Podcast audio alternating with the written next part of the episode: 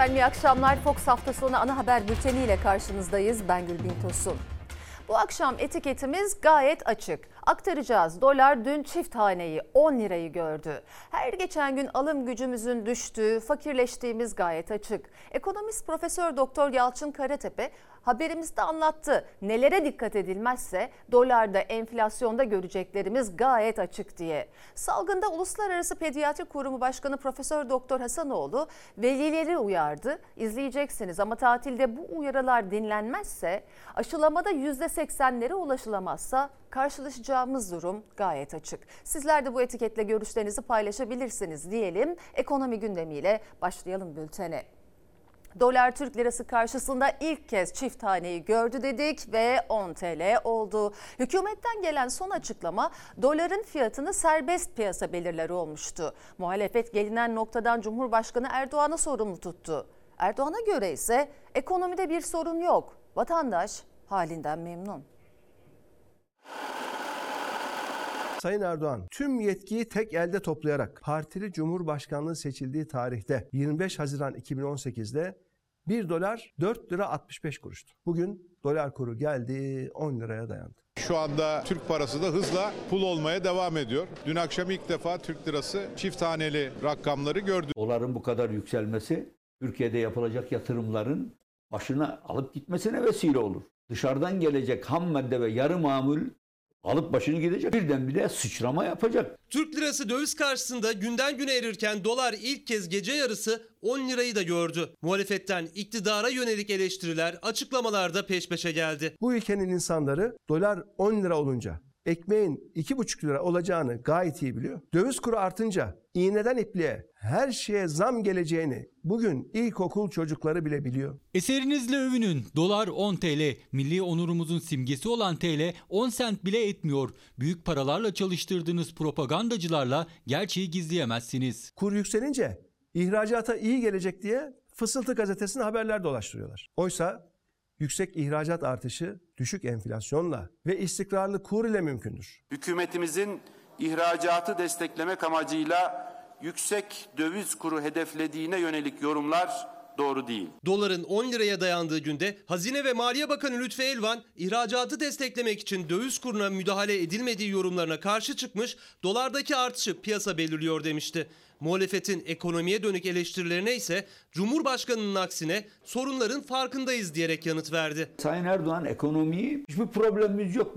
Bugüne kadar bundan daha iyisi olmadı diyor. Çok iyi dedi. İnsanlar memnun dedi. Yani bunlar abartılıyor. Öyle bir kanaate sahip. Elbette sorunlarımız yok değil.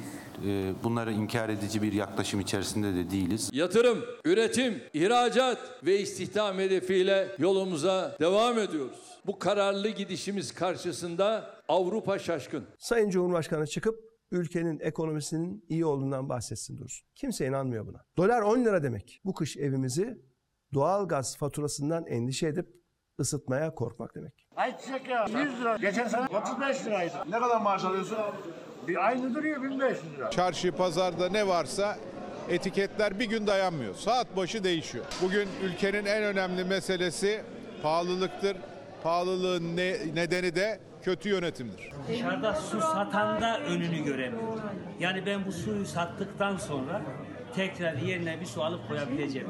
Doların 10 lirayı görmesinden esnaf da, çiftçi de, vatandaş da dertli. Çünkü girdi maliyetleri doğrudan etkileniyor.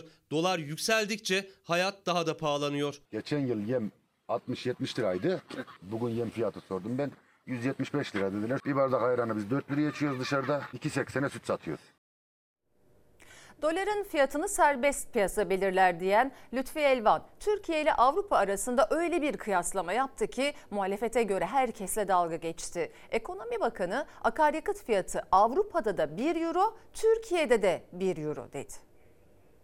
Aslında akaryakıt fiyatları Avrupa'da 1 euro ise Türkiye'de de 1 euro şeklinde idi. Şu anda akaryakıt fiyatları 1 doların altında. Elbette 1 euronun da altında oluyor. O 2000 euroluk gelir içerisinde 1 euro veriyor. Biz 250 euroluk gelir içerisinden 80 sent veriyoruz. Lütfü Bey'in yaptığı mukayesenin doğru olabilmesi için bizde asgari ücretin 17 bin lira olması lazım. Lütfü Elvan adeta dalga geçmiş. Avrupa'daki milli gelirle Türkiye'deki milli gelir eşit mi? Hazine ve Maliye Bakanı Lütfi Elvan'ın zam üstüne zam gelen akaryakıt fiyatları ile ilgili şikayetlere verdiği çarpıcı örnek muhalefet konuşturdu. Bakan Elvan, akaryakıt Avrupa'da da 1 euro, bizde de 1 euro, hatta altında diyerek akaryakıt fiyatlarının Türkiye'de normal olduğunu savundu. Allah aşkına deposuna benzin koyan taksici Mehmet mi avro kazanıyor yoksa traktörüne mazot koyan Hasan amca mı dolar kazanıyor? Emekli mi, işçi mi, memur mu dövizle maaş alıyor? Bu nasıl bir akıl tutulmasıdır? Şu anda akaryakıt fiyatları 1 doların altında. Aşağı yukarı 0.7-0.8 euro civarında. Gelişmiş ülkelerle bir malın fiyatı üzerinde mukayese yapıyorsak o zaman hataya düşeriz. Düşük gelirlerin e, ücretini 2000 avro çok rahat alabiliriz bir Almanya Fransa için. 1 litre benzin ne yapıyor? 2000 litre benzin alabiliyor. Türkiye'de 2825 lira, mazot 340 litre alıyorsunuz. Bakan Elvan'ın örneğine karşı muhalefet Avrupa ile Türkiye'deki asgari ücreti kıyasladı. Türkiye'de asgari ücret 2826 lira yani 248 euro. Muhalefet bakanın yaptığı mukayesenin doğru olması için Türkiye'de akaryakıtın 1 euro değil 10 sent olması gerektiğini söylüyor. E fiyat da aslında onda bir olması lazım. Yani orada 1 euro ise e, gelirle orantılı baktığımızda 10 sent olması lazım ki e, Avrupa fiyatlarında diyelim. Türk lirası her geçen gün değer kaybediyor. Siz bir taraftan kalkmış akaryakıt Avrupa'da da bir avro diye tabloyu pembeye boyamaya kalkıyorsunuz. Alacağımız vergi 64 milyar lira bugüne kadar almadık. Almamız gerekirken çünkü vatandaşımızın üzerine çok fazla bir yük olsun istemedik. Eşel mobil sisteminde alan kalmaması nedeniyle Eşel mobil tamamıyla devreden çıktı. Akaryakıtta yıl içinde ÖTV'ye rekor zamlar yaptılar. Neden? İflas eden Eşel mobil sistemini sürdürebilmek için. Bunun bedelini kim ödedi? Yine vatandaşımız ödedi. Akaryakıta gelen zamlar pompaya yansıtılmıyordu. Devlet ÖTV'den karşılıyordu ama Bakan Elvan ÖTV marjının da kalmadığını söylerken muhalefet bakanın akaryakıt Avrupa'da da 1 euro, Türkiye'de de 1 euro örneğine tepkili. İyice zıvanadan çıktılar. Ne söyleyeceklerini bilmiyorlar. Yaşanan ekonomik kriz, yaşanan sıkıntılara çözüm bulacaklarına günü geçirmek için böylesine saçma sapan söylemlerde bulunuyorlar. Sayın Bakanı kınıyorum. Maliye Bakanı'nın 1 euro açıklamasından sonra konu Twitter'da Türkiye'deki asgari ücreti olan 250 euro başlığı, Avrupa'da bir Maliye Bakanı etiketleri trend topik oldu. Yani en çok yorum yapılan konulardan oldu. On binlerce mesaj vardı. Baktım birkaçına tabii ki. Bu ülke vatandaşı artık hesap uzmanı oldu. Küçümsemeyin derim. Haberde muhalefet milletvekillerinin verdiği rakamlar zaten akşamdan hep yazıldı sosyal medyada. Doğru hesaplamanın nasıl yapılması ile ilgili Avrupa'daki asgari ücretle kıyaslamalar yapıldı. Ama rakamlardan çok gelen diğer yorumlar dikkatimi çekti. Maaşınızı euro ile mi alıyorsunuz? Aklımızla alay etmeyi bırakın artık. Bizimle dalga geçiyorsunuz. Hatta ben daha iyi bakanlık yaparım diyenler ve daha neler neler. Yani sadece şunu söyleyeceğim. Bana böyle yorumlar gelse çok üzülür ve sıkılırdım. Sayın seyirciler, Doların 10 liraya ulaşması yalnızca ekonomi dünyasının ya da döviz tabelalarını bağlamıyor. Her kuruş artışta maaşlar da eriyor, halk giderek fakirleşiyor. Dolar yükseldikçe bizim paramız geriye doğru gidiyor. Paranın değersizliği insanın değersizliği aslında. Yani kendimizi değersiz hissediyoruz. Dolar 10 lira olacak ya 15 lira olacak ya 6 liradan 7 liradan toplayalım dolarları ha 10-15'e satarız. Dolar 10 lira oldu. Günlerdir süren yükselişle o kritik sınırda aşıldı. 10 lira 2 kuruşla zirveyi gördü dolar. Alım gücü düşmeye, maaşlar erimeye rekor seviyede devam ediyor. Bu seviyeye gelmiş olması ciddi şekilde yoksullaşmaya devam ettiğimizi gösteriyor. Maaşları sadece eritmiyor, her şeyi eritiyor. Hızla gidiyoruz. Şu an o psikolojik sınır aşıldı. En kritik eşik aşıldı. Cuma günü itibariyle döviz tabelalarında 10 lirayı görmeye başlamıştı dolar. Dün gece saatlerinde ise resmi olarak dolar 10 lirayla yeni rekorunu kırdı. Enflasyonu inanılmaz etkiliyor. Her şey astronomik uçuk rakamda. Aldığımız maaşlar yetmiyor. Ucu ucuna geçinmeye çalışıyoruz ve ben asgari ücretin biraz bir tık üstünde maaş alan bir insan olarak bunu söylüyorum. Dolarla mı maaş alıyorsunuz? İğneden ipliğe tüm fiyatlar dövize bağlı. Dolar arttıkça enflasyon artıyor. Asgari ücret yılın başında 383 dolara denk geliyordu. Son rekorla alım gücü 281 dolara geriledi. 11 ayda asgari ücretlinin cebinden 102 dolar eksildi. Çok kötü. TL'nin e, yani zerre değeri yok şu an ülkemizde. Nasıl geçinecek bu millet? Hayat e, bizim için biraz daha zor olacak maalesef. Ayçiçek yağından tutun da soframızdaki pirince varıncaya kadar her şeyin fiyatının arttığını göreceğiz. Doğalgaz, elektrik, akaryakıt, çocuk maması, çocuk bezi pazartesiden itibaren daha belirgin bir biçimde hissetmeye başlayacağız. 150 milyon bir, bir yağ yani. Eve kıyma almak, et almak lüks. Yağ almak lüks oldu. Ben çalışıyorum. Her gün etiket değiştiriyoruz. Biz bıktık. Etiketler her gün yükseliyor, maaşlarsa yerinde sayıyor. Dolar 1 lirayı 2001 yılında görmüştü. 2013'ten sonra hep yeni rekorlar geldi. Ekonomi profesörü Yalçın Karatepe en büyük kırılmanın da 2018'de yaşandığını söyledi. 2018'de biliyorsunuz Cumhurbaşkanlığı hükümet sistemi denilen yeni sistemle biz Türkiye ekonomisindeki bozulmayı daha belirgin bir biçimde özellikle kurlardaki artışı çok daha belirgin bir biçimde görmeye başladık.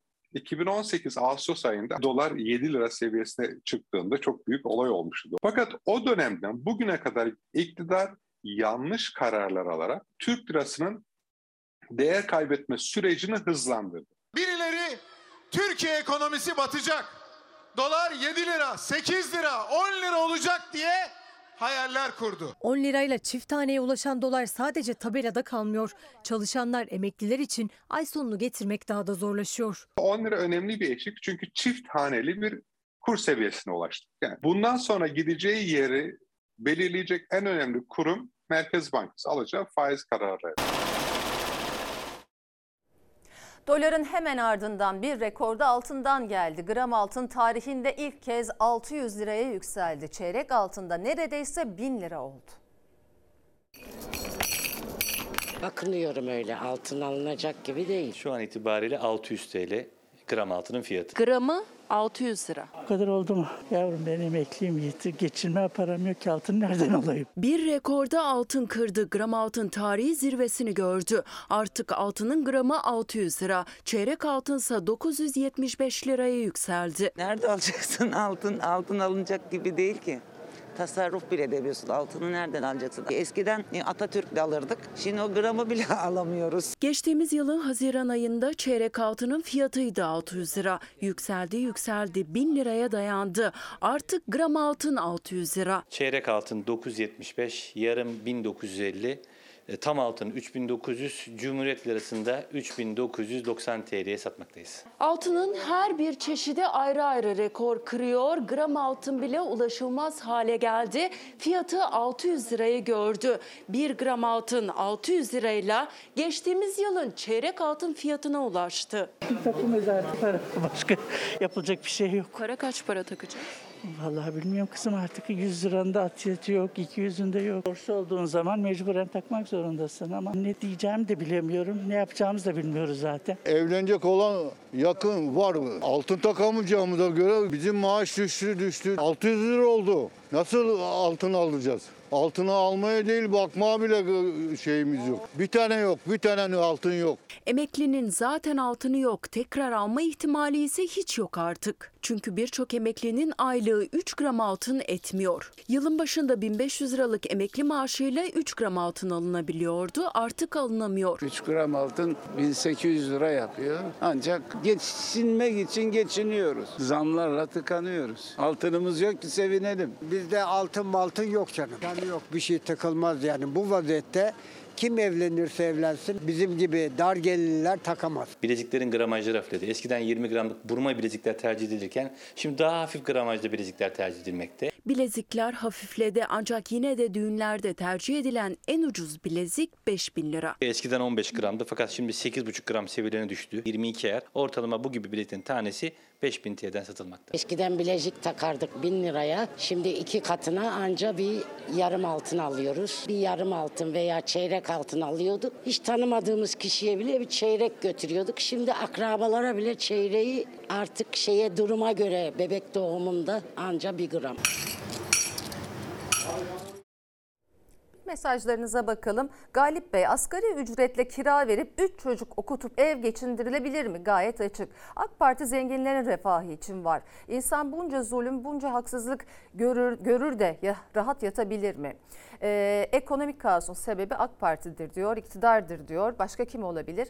Yine benzer bir e, e, tweet var sizden Mustafa Bey. İktidar artık muhalefete muhalefet yapmayı bırakmalı. Hükümetin üstüne düşeni yapmalı. 1 dolar neden 10 TL önce onu açıklamalı. İktidar artık görevini yapamıyor diye bizlere 60 mesajını haberle devam edeceğiz. Emeklilikte yaşa takılanlar hafta içinde Çalışma Bakanı Vedat Bilgin ve AK Parti Grup Başkan Vekili Muhammed Emin Akbaşoğlu'ndan gelen üzerinde çalışıyoruz açıklamalarıyla yeniden umutlandılar. Ancak Çalışma Bakanlığı'nın kendi bakanını yalanlamasıyla EYT'lilerin ümitleri yine suya düştü. EYT'liler sadaka değil, hakkımızı istiyoruz diyor. Umudumuz mutlaka kırıldı. Haberleri gördüğümüz zaman zaten bir kafamızda Allah bullak oldu. Yani herkes ne yapacağını bilemez. Ben o gün o gece uyuyamadım. İş yok, güç yok. Üzüntü çok. Bütün umutlarım elinden alınmış. Hani bir çocuğun elinden oyuncağını alırsınız ya. Aynen o vaziyetteydim. Bu kez siyasetten değil tepki. 99 yılından önce sigorta girişi olan prim günlerini hizmet yılını doldurmuş. Ancak yıllardır emekli olmayı bekleyen ama bir kez daha hayal kırıklığı yaşayan emeklilikte yaşa takılan mağdurlar ses yükseltti. Bugün yasa çıkarsa hemen emekliyim. Büyük bir özlemle bekliyorum Sayın Cumhurbaşkanım. Beni duyun. Biz bir halkız. Bizi duyun, duyun. 25 sene bil fiil çalışmışım. Fazlalıkla birlikte 28-29 sene çalışmışlığım var. Beni niye bekletiyorsun? Biz bunu şiddetle protesto ediyoruz. Çünkü biz böyle bir söylemi kabullenmiyoruz. Bizler zaten yasanın çıkış tarihi itibarıyla yaş ve yılımızı tamamladık. Lütuf istemiyoruz. Erken emeklilik diye bir algı istemiyoruz. Emeklilikte yaşa takılanlar önce iktidar cephesinden gelen açıklamalarla umutlandı. Ama çok geçmeden hayalleri suya düştü. Bir hafta içinde gelen dört farklı açıklama oldu. En son EYT ile ilgili çalışma yapılıyor diyen bakana bağlı basın müşavirliği çalışma yok diyerek kapıyı kapattı. Erken emekliliği 3600'ü komisyonlarımız çalışıyor. Bakanlığımızın öncelikli gündeminde EYT ile ilgili bir çalışma bulunmamaktadır. Bu söylemler bizlerin mücadelesini kırmıyor, aksine daha da hırslandırıyor. Emeklilikte yaşa takılanlar topluluğunun varlığını ve mağduriyetini görmezden gelinmesini biz kabul etmiyoruz. Bana devlet dedi ki sen 20 yılını doldur, prim de 5200 doldur, emekli olacaksın. Biz hayallerimizi kurduk. Emekli oluruz, köyümüze yerleşiriz, sakin bir hayat süreriz. Ama emekliliğimizi sevinirken bir baktık yasa değişmiş. Kapıyı kapatamazlar, izin veremeyiz çünkü bu bizi hiçe saymak demek. Boşuna toplandık o zaman biz Tandoğanlar'da,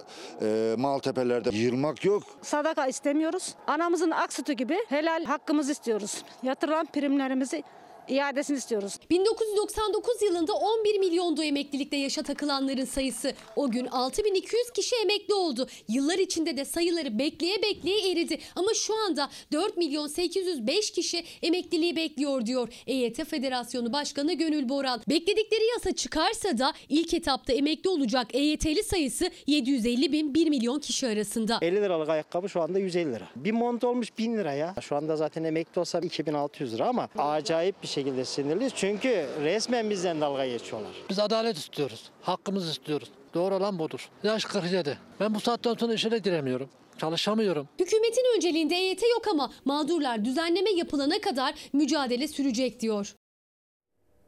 CHP lideri Kemal Kılıçdaroğlu geçmişte kırdığımız tüm kesimlerle helalleşme yolculuğuna çıkıyorum dedi. Kılıçdaroğlu bu mesajı evinden verirken Cumhurbaşkanı Erdoğan ise Çanakkale'de hem Kılıçdaroğlu'na hem de İyi Parti lideri Akşener'e yüklendi. Erdoğan Akşener için ahlak yoksunu ifadesini kullandı. Devletlerde süreklilik esastır. Zaten bunların iktidar yüzü görmeye imkanları olmayacak. Gitmekte olan bir iktidar var. Korkunç bir enkaz bırakarak gidiyorlar. Bana sadece iktidarı devralmak yetmiyor. Milletim onlara böyle bir fırsatı vermez. 2023'te iktidarı almak gibi bir imkanları da olmayacak. Geçmişten gelen küskünlüklere ve öfkeye bağlı kalmaya devam edersek ülkemiz bu felaketleri gelecekte de yaşamaya mahkum olacak. Onun için artık helalleşme zamanıdır. Cumhurbaşkanı Erdoğan'ın iktidar yüzü göremeyecekler çıkışı CHP lideri Kılıçdaroğlu'nun iktidar değişiyor diyerek helalleşme mesajı. CHP lideri öz eleştiri de yaparak helalleşme yolculuğuna çıkıyorum dedi. Benim liderliğini yaptığım partinin de geçmişte yarattığı derin yaralar vardır. Uzun süredir de önce bu yaraları yaratan o sistemi değiştirmekle uğraştım. Şimdi ise dışarıya dönme zamanı. Ben bu yaraların kapanması için helallik isteme, helalleşme yolculuğuna çıkıyorum. Kılıçdaroğlu hafta sonu evinde çalışma odasından bir videoyla yeni bir dönem mesajı verdi. CHP'nin de geçmişte hataları olduğunu söylerken herkesi kucaklayacakları yeni dönemi helalleşme yolculuğuna çıkıyorum diyerek duyurdu. İsim vermedi ama o yolculuk bugüne kadar CHP'ye kapıyı kapatanlara, muhafazakar kesime ve daha önce CHP'nin hiç oy alamadığı çevrelere olacak. Geçmişte kırdığımız, korkuttuğumuz topluluklarla, bireylerle, farklı hayat tarzlarının temsilcileriyle buluşmalarıma başlayacağım. İkide bir Kanal İstanbul'a girmeyin. Dünyayı bu şekilde tehdit etmek, paranızı filan alamazsınız gibi bir yaklaşıma girmeleri devlet yönetiminde ne kadar cahil olduklarını, ihanet içinde olduklarının en güzel ifadesidir. Cumhurbaşkanı da Çanakkale Köprüsü montajı ve toplu açılış töreninde konuştu. Kanal İstanbul için yerli ve yabancı şirketlere yatırım yapmayın diyen CHP liderine çattı. Bay Kemal senin bu işlere kudretin yetmez. Senden bir şey de olmaz. Çanakkale Köprüsü'nün son tabliyesinin vidaları sıktık. İnşallah bunların da vidalarını sıkacağız. Lütfü Türkkan'ın şehit yakınına sarf ettiği sözler de Cumhurbaşkanı'nın gündemindeydi. İyi Parti lideri Akşener'in grup toplantısında yaptığı açıklamalara sert çıktı. Ya sen bir partinin lideri olarak bayansın bayan. Mecliste o nasıl bir küfürdür? Ahlak yoksun. Nasıl sen böyle bir küfrü yaparsın ya? Bir kadın olarak, bir bayan olarak sen bunu nasıl söylersin? Ve salgın gündemi. Okullar bir haftalık ara tatile girdi. Uzmanlara göre bu çok kritik bir süreç. Çünkü öğrenciler maske ve mesafe tedbirine uymazsa büyüklerine okuldan aldıkları virüsü bulaştırabilir. Ara tatilde virüse yakalanırlarsa da virüsü tatil dönüşü arkadaşlarına bulaştırabilirler. Salgının tüm hızıyla devam ettiğini hatırlatan uzmanlar dikkatli olun uyarısında bulundu.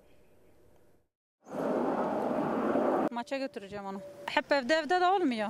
Sıkılıyorlar. Tatil dönüşü hüsranla sonuçlanabilir. Hiçbir kuraldan hem ebeveynlerin hem de çocukların taviz vermemesi gerekir. Unutmayalım ki hala pandeminin içerisindeyiz. Okullar bir haftalık ara tatilde ama salgının tatili yok. Uzmanlar tatil dönüşünde okulların salgın riski açısından daha tehlikeli olabileceği görüşünde. Çünkü vaka ve vefat sayıları hala çok yüksek. Aşılamaysa istenilen seviyede değil. Yüz yüze eğitimin aksamaması için çocukların ve velilerin tatilde de çok dikkatli olması gerekiyor. Tatilde çocuklar rahavete kapılmayın ve maskeyi çıkarmayın. Okul açıldığı zaman korkarız ki bu vakalar tekrar yükselmeye başlar. Okul çağındaki 8-16 yaş grubundaki çocuklarımızın toplam vakalar içindeki oranı yaklaşık %10 seviyesinde düşüş göstermiştir. Sağlık Bakanı Fahrettin Koca vaka sayılarında çocukların oranının nispeten düştüğünü duyurdu. Ama uzmanlar özellikle tatil dönüşünde riskin katlanacağı görüşünde. Bu tatil dönüşünde de gidilen yerden, orada temas edilen kişilerden virüs alınarak yeni ortamlarına taşınabilir. Hastalığın en fazla bulaştırıcı olduğu dönem ilk 3-4 gündür. Ya tatilin sonunda virüsle karşılaştıysa olduğu gibi en bulaştırıcı döneminde okula başlayacak. Öğrenciler ara tatilde ama veliler onlar yine okuldaymış gibi dikkatliler. Çünkü arkadaşlarından virüs kapar ve eve taşır korkusu yaşıyorlar. Endişemiz var tabii ki yani. Evde yaşlı var. Anneannesi var, dedesi var. Velilerin korkusu virüsün eve taşınması. Bu yüzden yetişkinlerin aşılanması riski düşürmek için büyük önem taşıyor. Artık 3. doza geçilse de hala milyonlarca kişi çift doz aşısını bile tamamlamadı. 18 yaş üstünde oran %79. Ancak asıl önemli olan tüm nüfustaki aşılanma oranı. Türkiye'de hala %59'da. Toplumsal bağışıklık tüm nüfusta %80'le sağlanabiliyor. Öğrenciler ya da çocuklar, gençler e, işte bir kerecik bir doğum günü ortamında o ortamda bulunan herkesi infekte edebiliyor. Büyük anneleri, dedeleri, kendi anne babaları, arkadaşları, çocuklarımızı korumak istiyorsak bizlerin aşı olması lazım. Ara tatilde toplu bulunulan alanlarda yine tedbiri elden bırakmamak şart. Bütün tiyatrolar, sinemalar, etkinliklerin yapıldığı eğlence mekanları, AVM'ler çocuklarımızın maskesini mutlaka takmalıyız. Sürekli öğretiyorum. Başka çarem yok. Eve de getirebilir. Avrupa'da dördüncü dalga salgın hız kazandı. Rekor vaka artışı üzerine Hollanda en sert önlemi alan ülke oldu. Hükümet 3 hafta boyunca kısmi kapanma uygulanmasına karar verdi. Avusturya'da ise aşısızlara sokağa çıkma kısıtlaması getirildi.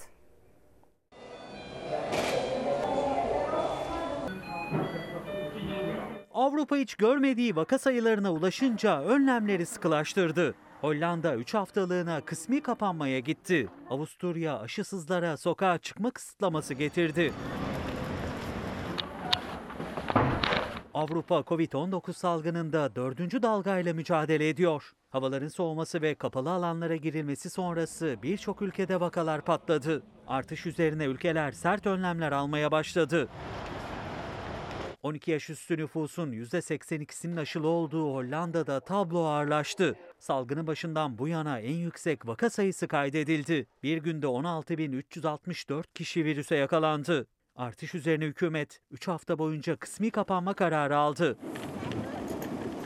Kısmi kapanmada süpermarketler, restoranlar ve dükkanlar saat 20'de kapanacak. Mağazalar, kuaförler ve kültürel etkinlikler 18'e kadar açık olacak. Spor karşılaşmaları ise seyircisiz oynanacak. Ev ziyaretlerinin 4 kişiyle sınırlandırıldığı kapanmada okullar açık kalacak.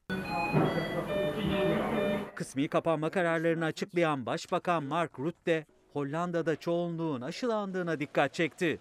Yoksa şu an hastanelerde feci bir durumla karşı karşıya olurduk dedi. Kısmi kapanmaya tepkiler kısa sürede büyüdü. Lahey'de Adalet Bakanlığı önünde toplanan bir grup kararları protesto etti. Polis kalabalığı basınçlı suyla dağıttı. Avusturya'da vaka artışı karşısında çareyi önlemleri sertleştirmekte buldu. Aşısızlara sokağa çıkma kısıtlaması getirdi. Uygulama ilk olarak Salzburg ve Yukarı Avusturya eyaletlerinde başlayacak. Gerekirse ülke geneline yayılacak. Aşısızlar sadece market ve doktora gitmek için evden çıkabilecek. Almanya'da ise %67 aşılama oranına karşı vakalar rekor kırdı. Perşembe günü 50 bin, Cuma günü 48.640 vaka tespit edildi. Başbakan Merkel önümüzde çok zor haftalar var diyerek herkesi aşı olmaya çağırdı. Alman Sağlık Bakanlığı artış üzerine ücretsiz test uygulamasına geri dönüleceğini açıkladı. Yaptıkları aşı başına 20 euro olan doktorların ücreti 28 euroya yani 320 liraya yükseltildi. Bir sağlık çalışanı daha şiddete uğradı. Kayseri'de bir hasta istediği ilacı yazmadığı için doktor darp etti. Tekmeli yumruklu saldırı güvenlik kamerasına yansıdı.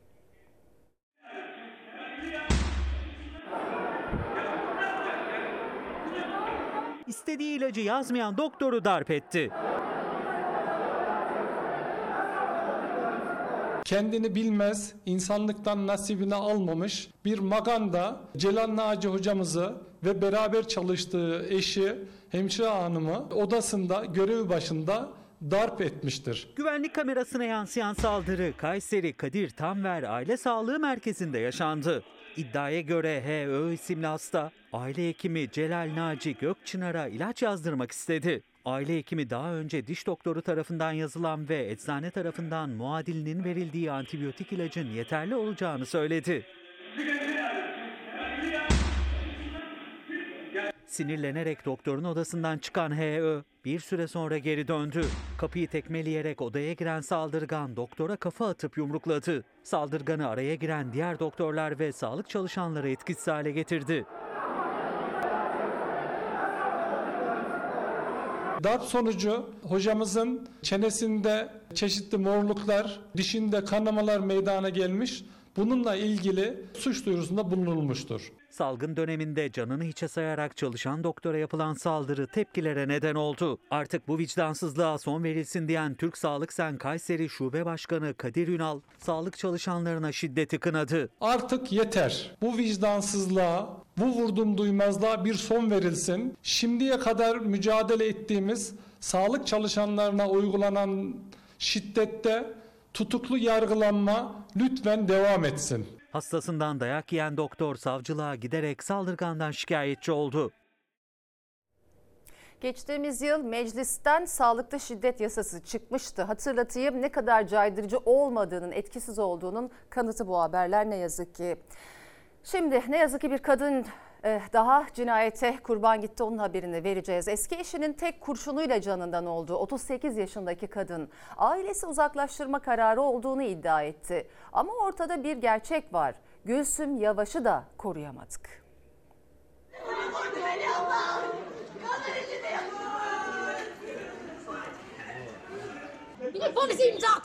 Feryadı mahalleyi inletti. Çünkü bir annenin yaşayabileceği en büyük acıyı yaşadı. Evladı eski eşinin silahından çıkan tek kurşunla hayatını kaybetti. 38 yaşındaki Gülsüm Yarış can korkusuyla boşanmıştı eşinden. İddiaya göre koruma kararı da vardı ama genç kadının korktuğu gibi oldu.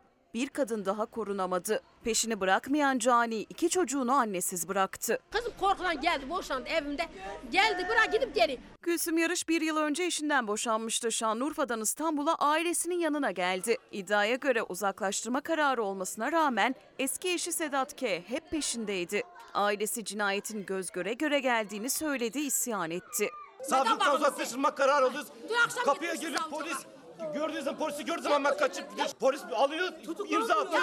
Sonra serbest bırakıyor. Küçükçekmece'deki aile apartmanında güvende olduğunu düşünüyordu Gülsüm Yarış. Ama eski eşi Sedat K. daha önce defalarca olduğu gibi yine o eve geldi. Çocuğunu alma bahanesiyle. Hani gel çocuğunu alıp göreceğim gördü. Alıp götüreceğim. Anası dedi ki dedi alsın yeter ki gitsin dedi burada. Ertesi sabah geri geldi. Diğer çocuğu da istedi Sedat K.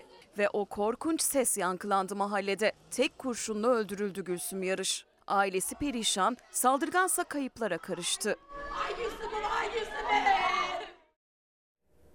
Efendim 20 Mart tarihinde İstanbul Sözleşmesi'nden ayrılan Türkiye'de o günden bu yana adeta katliam yaşanmış kadınlara da tam 203 kadın cinayete kurban gitmiş bu ülkede.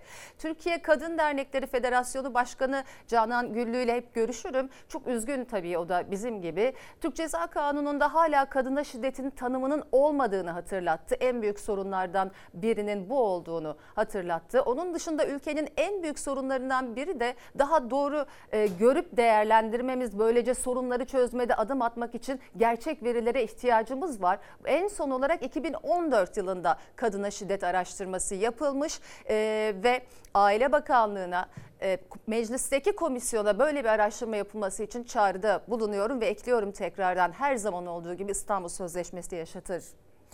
Kahve fiyatları özellikle son günlerde inanılmaz arttı. Bunun iki nedeni var. Dolardaki hızlı yükseliş ve katlanan üretim maliyetleri. Bir fincan ka- kahvenin hatırı zor kalıyor artık.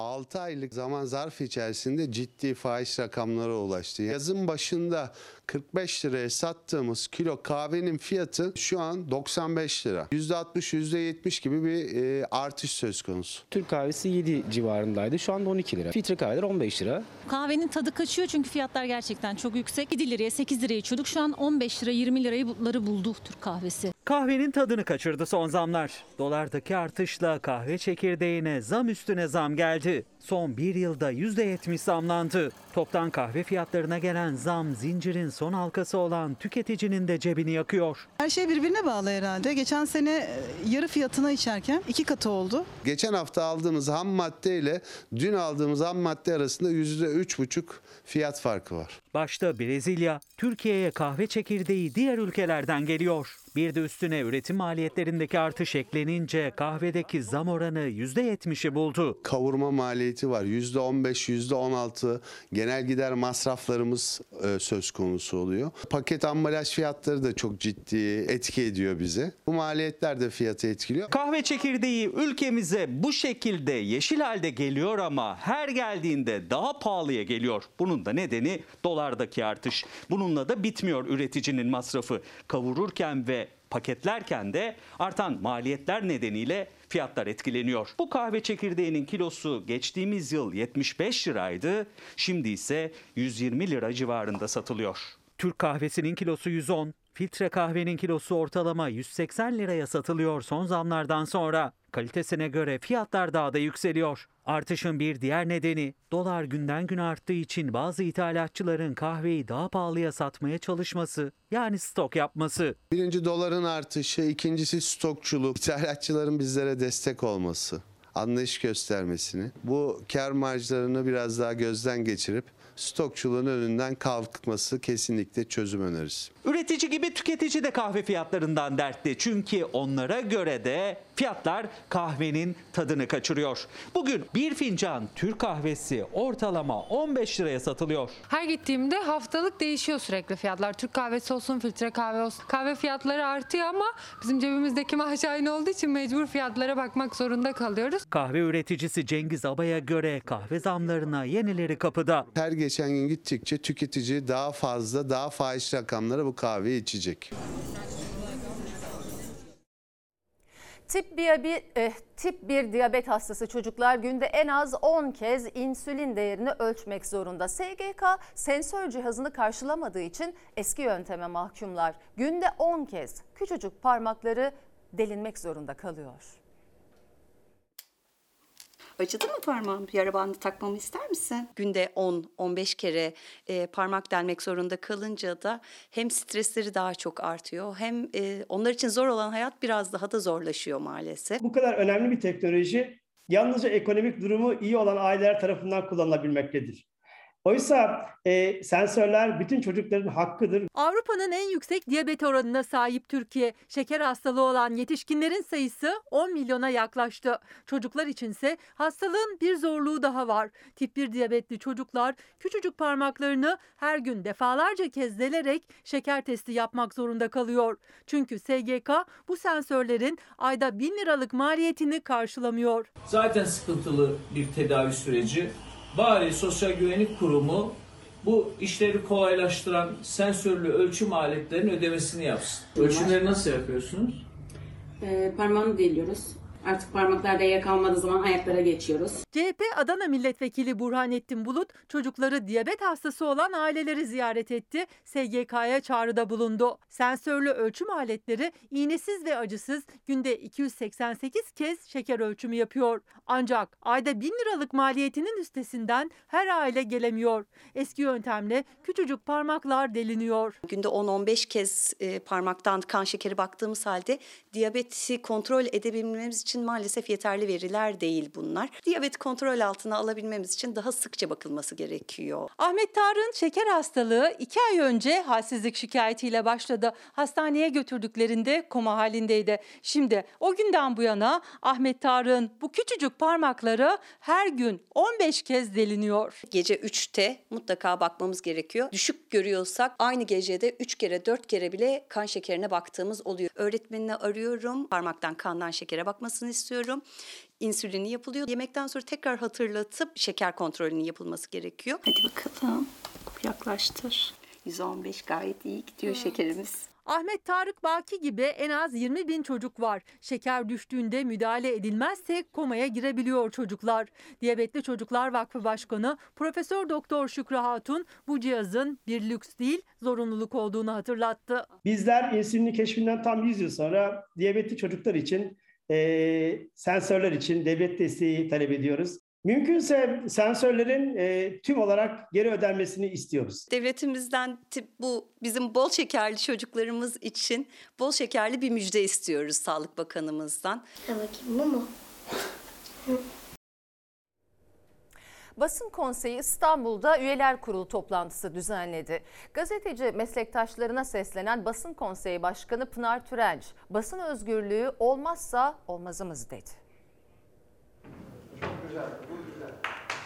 Özgürlüklerin ölselendiği, yaşam alanlarımızın her açıdan daraldığı bu süreçte basın konseyi gibi kurumların önemi daha da büyümektedir. Özgür ve bağımsız basın kuşkusuz olmazsa olmazımızdır. Basın özgürlüğüne vurgu yaptı. Basın Konseyi Başkanı Pınar Türenç meslektaşlarına seslenirken etik değerlerin korunması kırmızı çizgimiz dedi. Halkın haber alma, bilgilendirilme hakkının kutsallığından taviz vermeden mücadele başlıca görevimizdir.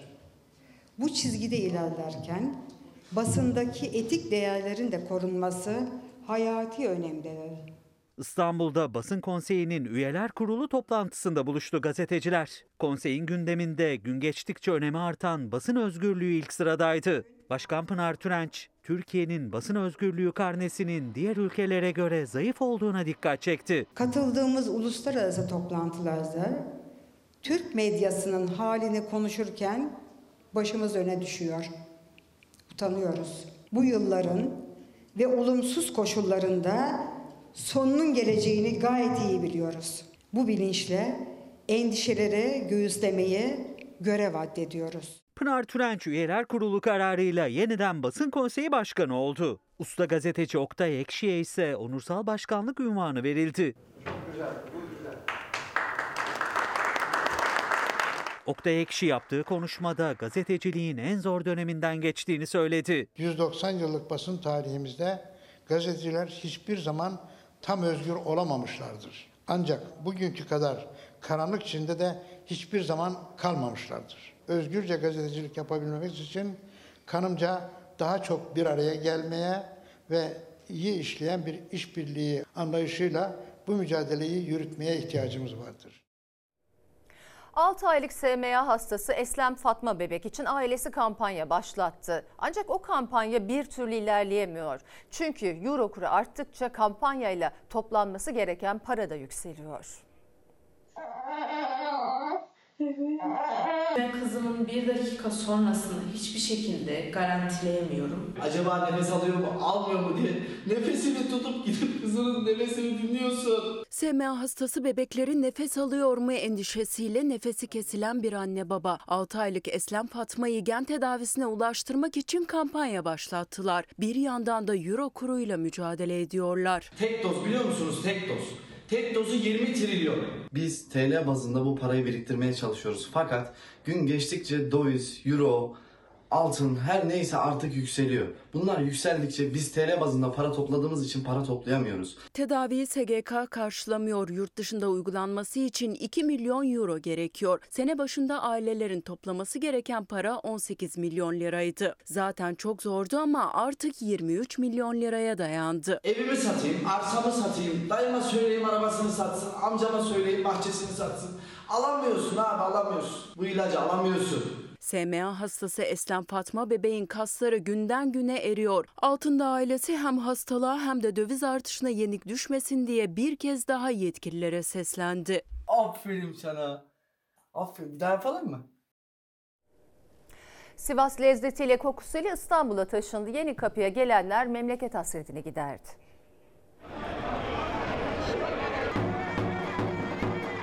Sana aldıklarımı göstereyim. Gösterin. Babam var 80 yaşında köy ekmeği istedi tandır. Şimdi çökelik alacağım biliyorsunuz İstanbul'da çökeliği bulamıyoruz. Memleket hasreti var her zaman var yani çekiyoruz. Mümkün olduğunca da böyle topraklarımız, hemşehrilerimiz geldiği zaman elimizden geldiği kadar ziyaret etmek istiyoruz. Sivas köftesi. Biraz sonra yiyeceğim. Hani kokusu dahi güzel geliyordu. Kokusu bile başka diyor memleket hasreti çekenler. Peynirden bala, ekmekten turşuya kadar her ürün vardı. Sivas İstanbul'a taşındı. Toprağın memleketi gerçekten özledik ama gidece gidemiyoruz. Özlem gideriyoruz en azından. Gitmesek bile özlem gideriyoruz. Sivas'a özgü bütün ürünlerimiz Zara'dan getirdik. Hepsi, hepsi doğal. Tereyağımız var, balımız var, tulum peynirlerimiz var. Memleket hasreti çekenler soluğu yeni kapıda aldı. Sivas'ın yöresel lezzetlerine akın vardı. Özlem. Özlem. Özlem. Annelerimiz o örf adetlerinin, o güzel yemeklerini özledik. Şu anda onları düşündüm. Sivas tanıtım günlerine gelen Sivaslılar buradaki yöresel lezzetlerle memleket hasretlerini bir nebze de olsa dindirmeye çalıştı. Sadece Sivaslılar değil, İstanbulluların da yoğun ilgisi vardı. Genelde sucuk pastırma buralarda pek güvenip alamadığımız için. Onlar bir de yöresel bütün her şey zaten. Buraya gelince Sivas'a gelmiş kadar olduk yani. Sivaslı değiliz ama şimdi şey fasulye turşusu aldık. Çok güzel yani. İstanbul'da Sivaslı çok ama bir o kadar da Sivas lezzetlerinin hayranı var. Ben Trakyalıyım, Tekirdağlıyım. Ben de arkadaşıma eşlik ediyorum. Yani hepsi çok güzel. Yöresel olduğu için. Bunun normal fiyatı 200 liradan aşağı değil karakovanlar. Ekonomik fiyat yaptık.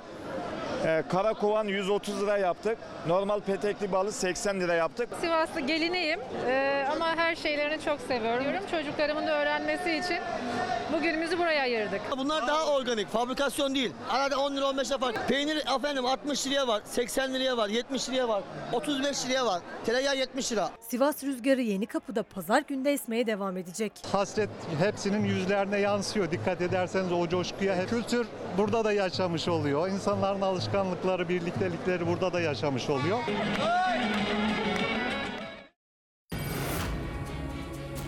Gazetelerin bel kemiği artık ekranlara geliyor. Orta sayfa Fox'ta açılıyor. Deneyimli gazeteciler yorum, analiz ve en sıcak kulis bilgilerini bu kez ekranlardan paylaşıyor. Ama artık Ankara'da olan Ankara'da kalmayacak. Meclisin odalarında, siyasi partilerin koridorlarında konuşulanlarla, diplomasinin kapalı defterlerinde yazılanlar orta sayfada olacak.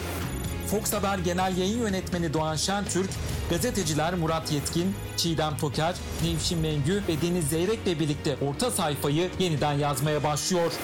Orta sayfa canlı yayınla 19 Kasım Cuma akşamı Fox'ta. Şimdi ara zaman. Efendim Fox hafta sonu ana haber bültenini burada noktalıyoruz. Fox'ta yayın El Kızı'yla dizimizle devam edecek. Yeni bölümüyle karşınızda olacak. İyi bir akşam geçirmenizi diliyoruz. Hoşçakalın. Her köşesi cennetin ezilir yerler için bir başkadır.